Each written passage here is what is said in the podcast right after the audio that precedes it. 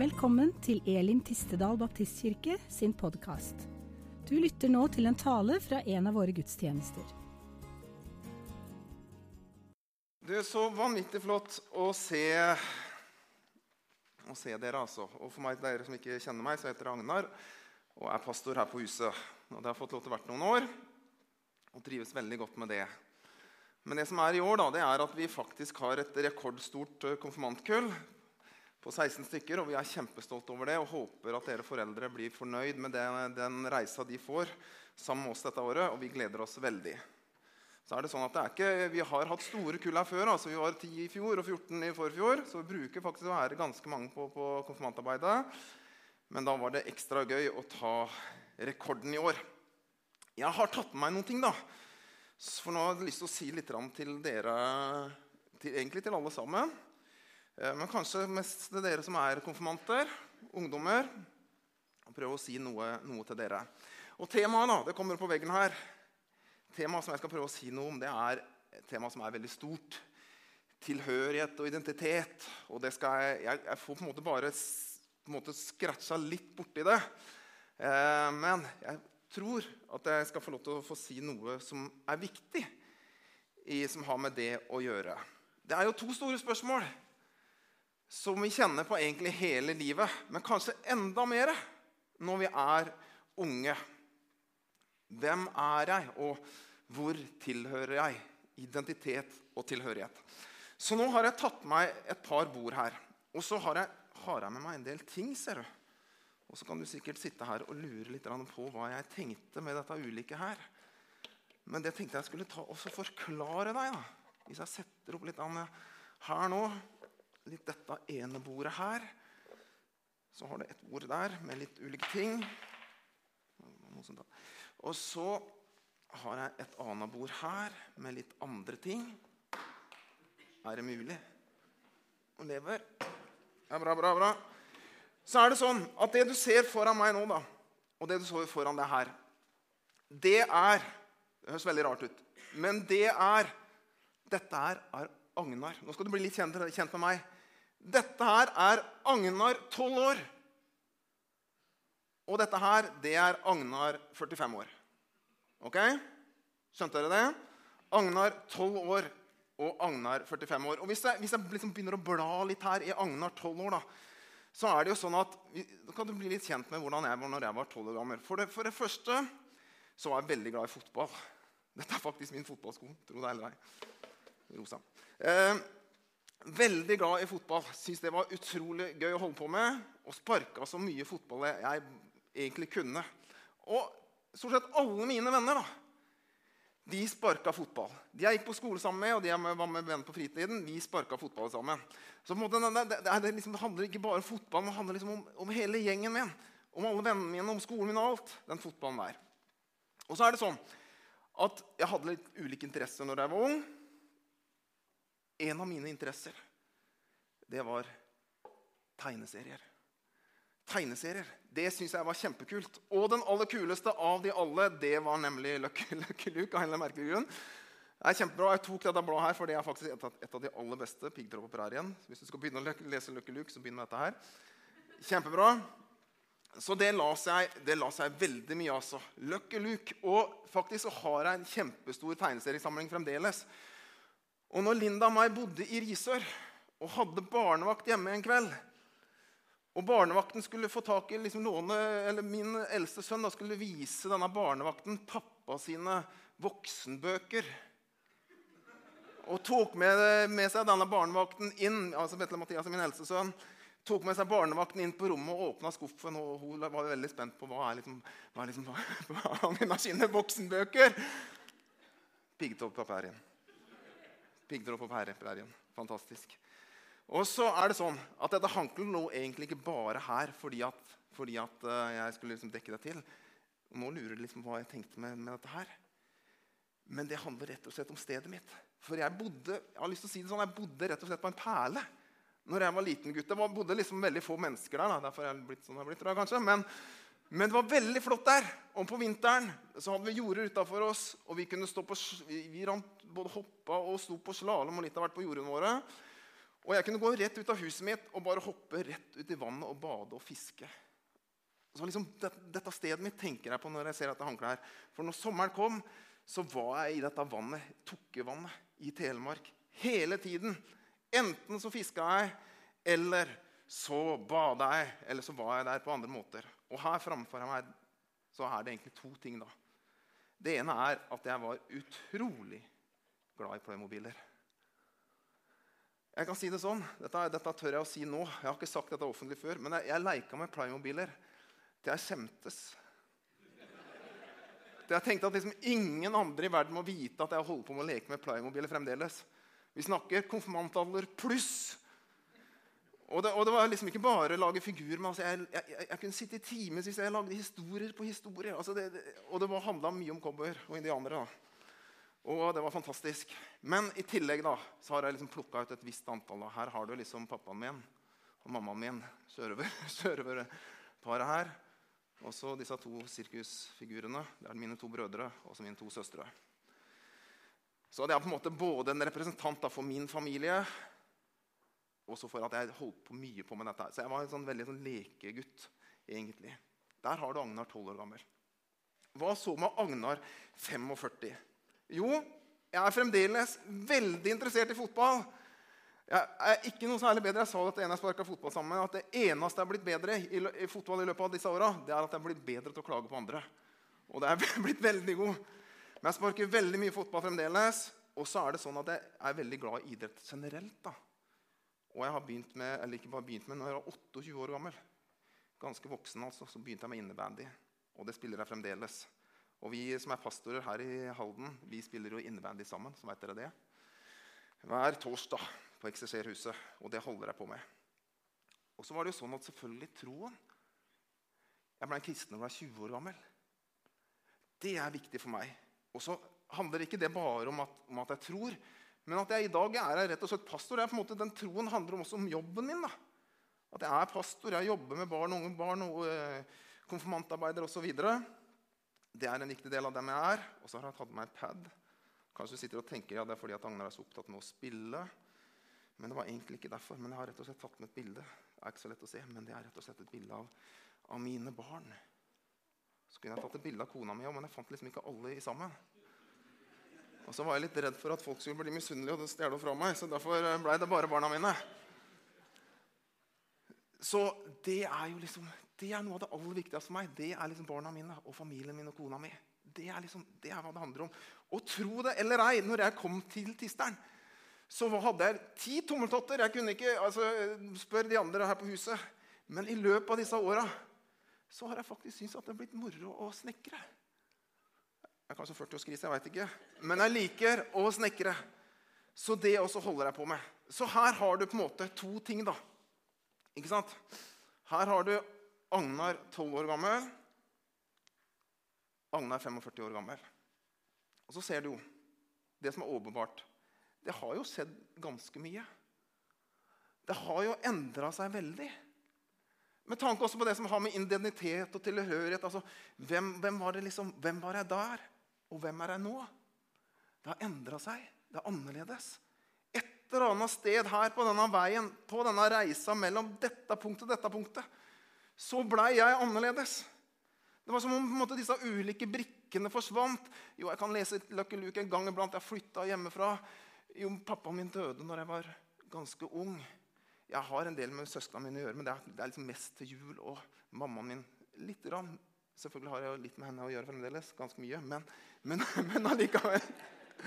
Men, men liksom, jeg bor ikke sammen med henne lenger. Sant? Fotballen, den har jeg. Og så er det liksom andre ting.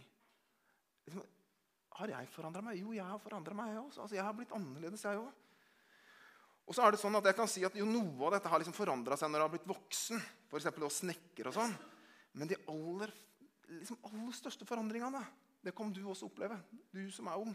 De kommer til å se i ungdomstida di. Akkurat nå. Akkurat i den fasen du er i nå. Nå skal en del brikker legges bort. Og nå skal en del andre brikker begynne å legges på plass. Og i dette vakuumet, denne, dette liksom tomrommet mellom disse to tinga, så kan det være supervanskelig å være. Og det er da man begynner å stille seg dette spørsmålet. Hvem er jeg? Og hvor tilhører jeg? Nå har jeg lyst til å ta deg med til en, eh, en historie i Bibelen som er en av mine aller favoritthistorier. Den leser jeg igjen og igjen. Det er historien om Josef i Det gamle testamentet. Og jeg trenger kun én ting for å presentere Josef når han var ung. Og det er rett og slett en flott kjortel skulle jeg hatt her. da. Men det har jeg ikke hjemme. Men dette er min bryllupsjakke. Altså Den dagen jeg ble gift med kona mi en gang på 90-tallet. Så Store skulderputer. Det er veldig fint. Så, så, så, så gifta jeg meg med denne. Men det var sånn at Josef, når han var ung gutt, så bodde han hjemme hos sin pappa. Og han pappaen han hadde fire, fire koner, tro det eller ei. Og pappaen fikk til slutt tolv sønner, og en av disse var Josef. Og blant alle disse sønnene så var det sånn at pappaen som het Jakob, han hadde en favoritt, og det var Josef. Og grunnen til det det var at Jakob hadde ei favorittkone, og hun het Rakel. Og den første barnet han fikk med henne, det var Josef. Og der, der, derav ble Josef også favorittsønnen. Og, eh, og det var sånn at, at, en dag så tok rett og slett pappaen og så gikk han til Josef og sa vet du hva, du er faktisk du er, du er min favoritt, du. så du skal få denne her flotte flotte kjortelen. Og så ga han den til Josef. Og må tro at Josef kjente seg bra. Han var ganske ung da, han var ten, i tenåra. Han tenkte at han var liksom bare Han hadde det bra. Han var trygg på seg sjøl. Han var sikker på hvem han var. Jo, hvem han var. Han var pappas favoritt. Han var liksom nummer én i denne familien. Og så kommer det en lite vers i denne teksten så når du leser om Josef, som jeg syns sier det meste. Og der, der, står det sånn i første Mosebok En gang hadde Josef en drøm, sto det. Og så står det videre Han fortalte den til brødrene sine, og da hata de han enda mer. Og denne drømmen han hadde, den handla om hvem han var, og hvem han opplevde at Gud hadde sagt at han var. Og I denne drømmen så hadde han sett for seg at, at sol og måne og elleve stjerner hadde bøyd seg ned foran han. Og han skjønte hvem det handla om. Det handla om mammaen hans. Det var månen, pappaen og sola, eller kanskje motsatt. Vi får ta en diskusjon etterpå. Og stjernene, de elleve stjernene, det var brødrene hans. Og så gikk han selvfølgelig til brødrene sine og sa, vet du hva, brødre? En dag så kommer dere til å bøye knærne deres for meg. Tenk! Sånn har jeg det. Sånn er jeg. Det er meg. Det gikk jo selvfølgelig ikke bra. De hata han enda mer. Og de hata han så inderlig at en dag så bestemte de seg for å ta livet hans. Og de kaster han ned i en brønn og tenker at nå skal vi, nå skal vi, ta, ta, ta, nå skal vi virkelig ta han. Men så er det en av brødrene som tenker at hva, la oss ikke ta livet på han. Vi tar oss og selger han. For akkurat da så ser de noen, en sånn karavane som kommer forbi med noen sånn handelsreisende. Og så selger de han til disse handelsreisende som tar, det med, som tar Josef med til Egypt. Og så tok de denne kjortelen til Josef. De reiv den av. De ødela den. Og så tok de og drepte et dyr. Og så smørte de det inn med dette dyreblodet. Og så gikk de hjem til Jakob og så sa de, vet du hva, pappa? Josef han er død, han. Beklager det, pappa. Han er død. Han er borte. Og så blir Josef solgt til en hoffmann, en av Tara sine hoffmann, hoffmenn i Egypt. En som heter Puttifar. Og Denne historien til Josef den er ganske så brutal. Han blir revet ut av hjemmet sitt. Ikke bare det, han blir revet ut av hele landet sitt. Han opplever, trodde at han var elska, han trodde at han var liksom bare helt fantastisk. Men så skjønner han at han er rett og slett hata. Ikke av bare folk i det fjerne, men av sine aller nærmeste. Og han forstår at de som er rundt ham, de forstår ikke hvem han er. For dette er jo det Gud har sagt. Men de må jo forstå dette, men de forstår det ikke. De forstår jo meg ikke. Og det Josef opplever, tror jeg, denne dagen, eller den, i denne situasjonen, det er at hans identitet og hans tilhørighet, hans forståelse av hvem jeg er, og hvor jeg tilhører, den kollapser totalt. Så er det sånn at ikke alle mennesker har det på denne måten. For dette er en stor og voldsom historie. Men veit du hva? Det finnes unge mennesker i dag som opplever livet like brutalt. Det finnes barn i Norge i dag som har blitt revet ut av hjemmet sitt og ut av landet sitt, og i dag plutselig befinner seg i et land langt borte uten noen de kjenner rundt seg. Men det er liksom disse voldsomme tilfellene. Men det å slite med tilhørighet og identitet som ung, det er det flere enn disse som opplever de brutaleste historiene, som gjør. Det tror jeg vi alle sammen Hvis jeg kan begynne å se på meg sjøl, og du som er ung, er helt sikker på at du vil kjenne deg igjen i det. For det første så er det sånn at Når man kommer igjen sånn litt ut i tenåra, opplever man at man sjøl endrer seg. Og så begynner vennene rundt seg å endre seg. De som, de som var dine bestevenner på barneskolen, plutselig så begynner de å oppføre seg rart. Og plutselig så vil de ikke ha noe med, med deg å gjøre mer. Eller så begynner du å tenke at nei, vet du hva, de, nå har de liksom bevega seg et sted som ikke jeg der, altså Dit har ikke jeg lyst til å bevege meg. Eller så begynner vi å kjenne på dette her at jo, det var koselig hjemme hos sørøvermamma og sørøverpappa, men, men nå har jeg liksom lyst til å være mindre og mindre der. Det er jo veldig naturlig det å kjenne at man vil rive, rive, seg løs fra hjemmet og begynne å etablere seg sjøl. Og så er det sånn at I tenåra er det da vi begynner å kjenne på at vi, de punktene i livet vårt der vi er annerledes enn andre, da blir det enda mer synlig. Og det, det blir enda mer åpenbart for oss. Vi kan kjenne på utestengelse. Ikke det å være populære nok, f.eks. Ja, det var fest der hos henne, ja. Men jeg var ikke invitert. Ja, hvorfor ikke det, da? Ja, men, men jeg trodde at jeg var venn med den. Eller så kan det være dette presset til stadighet om at ja, hvis jeg skal være sammen med, med Karsten Jeg håper ikke det er noen som lever helt til Karsten her inne. Ja. Hvis jeg skal være venn med Karsten, ja, så må jeg gjøre den, disse, disse tinga. For det syns Karsten er kult. Og hvis jeg gjør disse kule tinga, sjøl om jeg syns ikke at det er greit, så vil han fortsette å være venner med meg. Sånn? Når jeg ser tilbake på mitt eget liv, da, så er det noen sånne store punkter jeg tenker tilbake som, som var vanskelig for meg. Det var den dagen min pappa Da var jeg faktisk 25 år gammel. Jeg var egentlig blitt voksen, men han døde veldig brått.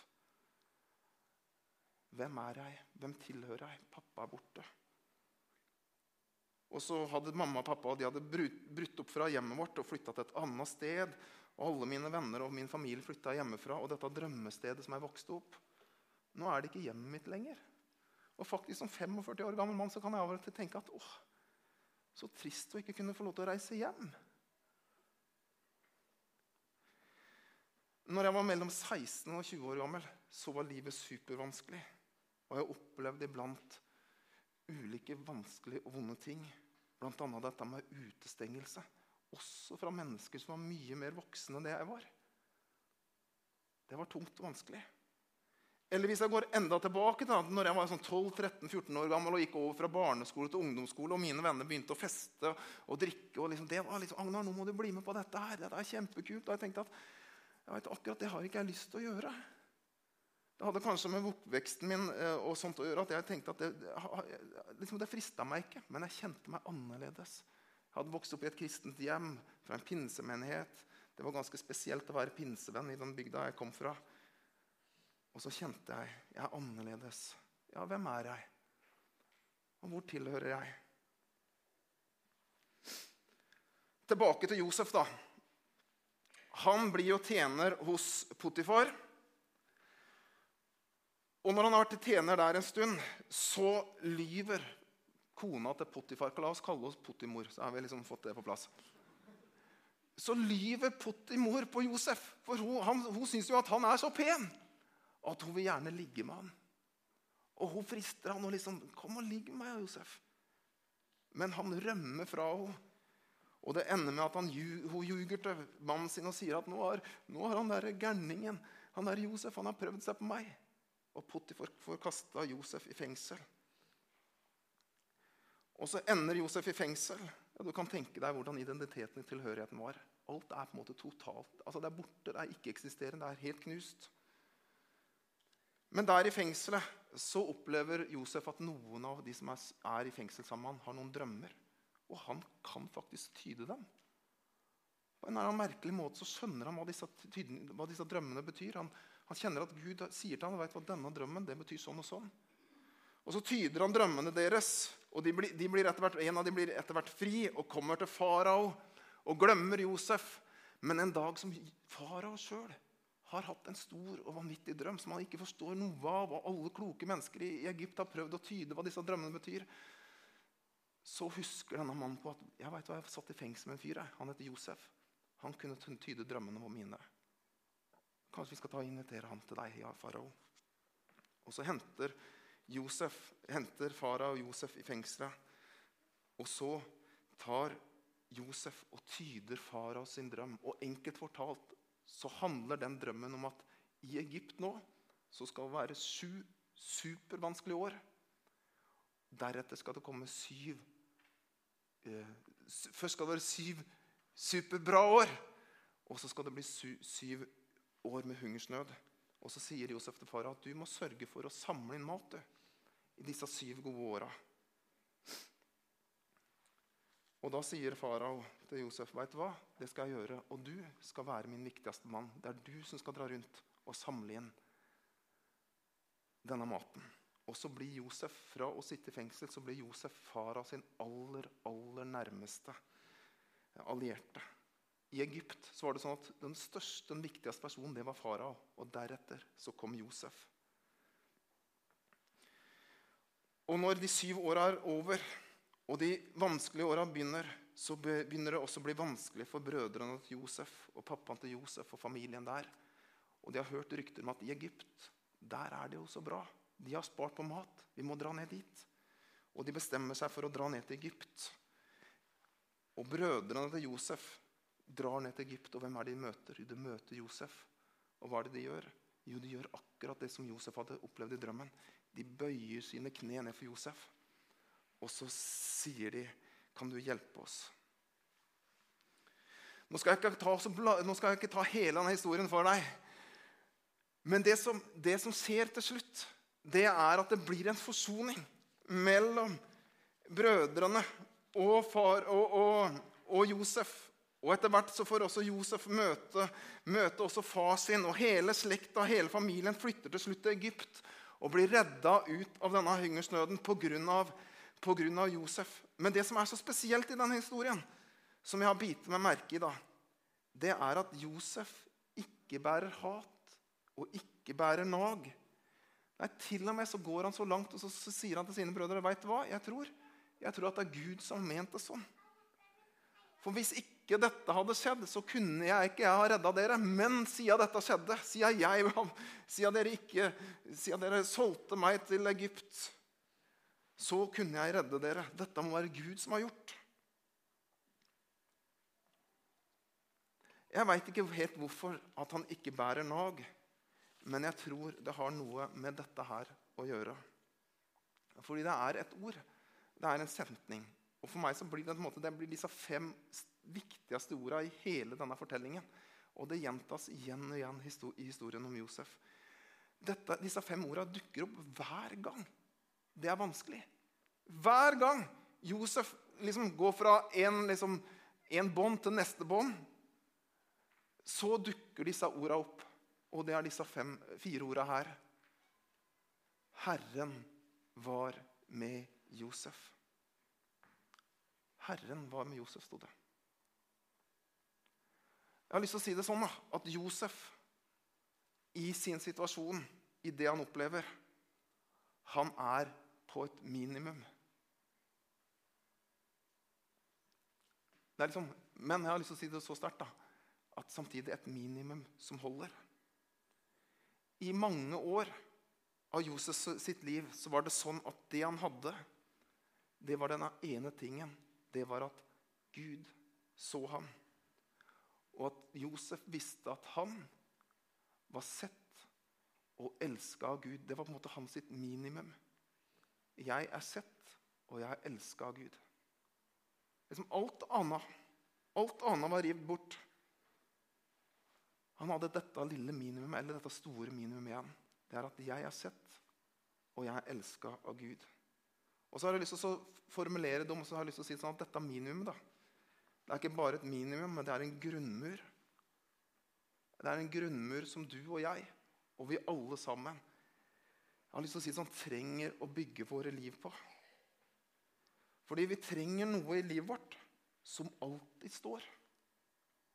Sjøl om alt det andre i livet vårt vakler.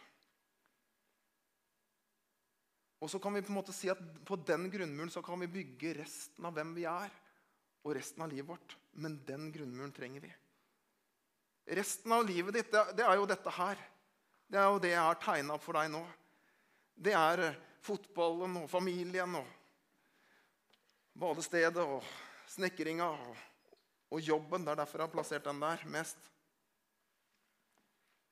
Resten av dette her, det er liksom det som kommer i tillegg. Vennskapene du har, utdannelsen du skal ta, interessene dine. Det er resten. Men denne grunnmuren, den trenger vi. Det er den viktigste. Du er elska, og du er sett av Gud. Så er det sånn at Jeg valgte helt bevisst å bruke begrepet minimum, for vi trenger også mer enn det. Gud har skapt oss sånn at vi ikke bare skal gå rundt og vite at vet du hva, ingen andre her på jorda elsker meg, bare Gud. Også, vi klarer jo ikke det. Vi trenger også hverandre. Det er derfor for eksempel, at vi her på huset vårt har så stort fokus på barn og unge i menigheten her. For vi har lyst til å bygge et godt miljø. Vi tror at barn og unge i Tistedal og Halden i dag trenger det. Og at det kan være med å styrke identiteten og gi dem en tilhørighet som er bra. Men vi veit samtidig at en dag så skal kanskje de flytte herifra. Mine, to av mine barn har flytta herifra. Alt dette andre kan endres. Det kan flyttes fra, vi kan vokse fra det, det kan rives ned, det kan ødelegges, vi kan miste det. Jeg har mista pappaen min. Vi kan miste våre nærmeste. Men denne grunnmuren, den står alltid. I Josef sitt liv. Den står alltid i mitt liv. I alle disse skiftningene som jeg har fått lov til å gå gjennom. Og jeg tror den vil stå der i ditt liv. Du er sett, og du er elska av Gud. Og så har jeg tatt fram en liten strofe fra et av Bibelens aller mest kjente vers. For så høyt har Gud hva da? Jo, han har elska verden. Han har elska meg og deg. Så du er forstått av Gud. Du er betydningsfull. Men viktigst du er elska, og du er sett av ham. Det er grunnmuren som livet skal og kan bygges på. Nå har du lyst til å be en bønn. Kjære Jesus, jeg har lyst til å takke deg for hver enkelt som er her inne. Takk for ungdommene som er her. Takk for at vi er verdifulle for deg. Så ser du at livet vårt kan gå gjennom så mange ulike faser og opplevelser. Men takk at vi igjen og igjen kan få lov til å komme tilbake til deg, du som er grunnmuren. Du, er, du som er dette minimumet som holder gjennom alt. Og må du bare enda mer forankre og si at vi har elska og sett av deg. Takk at du har vist det og bevist det gjennom skapelse og gjennom kors. Og takk at du er her i dag. Amen.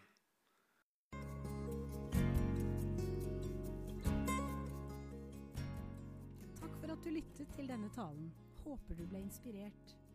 Ønsker du å vite mer om hvem vi er og hva vi gjør? Sjekk ut vår hjemmeside elintistedal.no.